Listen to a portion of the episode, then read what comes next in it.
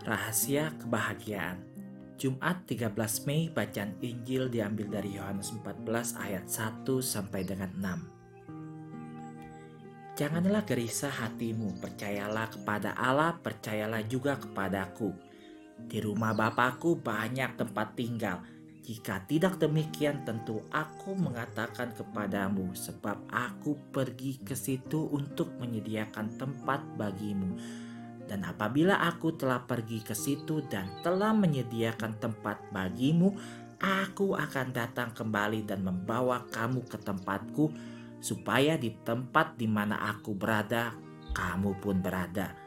Dan ke mana aku pergi, kamu tahu jalan ke situ.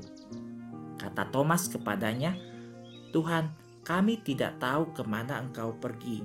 Jadi bagaimana kami tahu jalan ke situ?' Kata Yesus kepadanya, "Akulah jalan dan kebenaran dan hidup. Tidak ada seorang pun yang datang kepada Bapa kalau tidak melalui Aku." Sahabatku, jangan gelisah hatimu. Bukan berarti tidak ada masalah dalam Injil yang sama beberapa bab kemudian Tuhan kita juga mengingatkan kita dalam dunia kamu memiliki kesengsaraan tetapi bergembiralah. Aku telah mengalahkan dunia. Yohanes 16 ayat 33 Kesampingkanlah masalah Anda.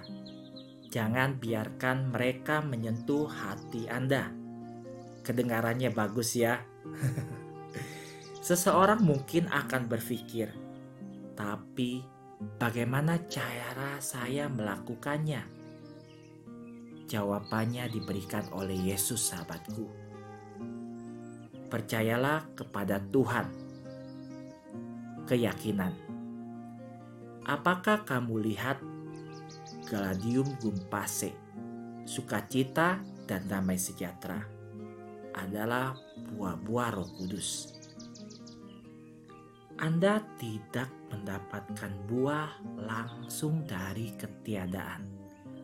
Mereka berasal dari pohon atau tanaman. Dari pohon, keutamaan iman kita mendapatkan buah kedamaian dan kegembiraan. Jika kita percaya kepada Tuhan, kita harus mempercayainya. Jika kita percaya, maka kita memiliki kedamaian dan sukacita. Anda bisa menemukan buah-buah ini dalam kehidupan orang-orang kudus. Mereka jatuh cinta, dan karenanya mereka bahagia. Semoga Tuhan melindungi saya dari orang-orang kudus yang muram Doa Santa Teresia dari Avila. Ada seorang gadis berusia 4 tahun dan dia memiliki adik bayi baru. Pada hari adiknya lahir, dia diberitahu bahwa adiknya adalah hadiah dari sorga. Tetapi sang gadis itu merasa agak kesal karena bayinya menangis sepanjang waktu. Beberapa hari kemudian melihat bayi itu melangis lagi, ia bertanya kepada ibunya, Bu, benarkah adikku berasal dari sorga? Tentu saja sayang, jawab ibunya. Tidak heran Yesus mengusirnya.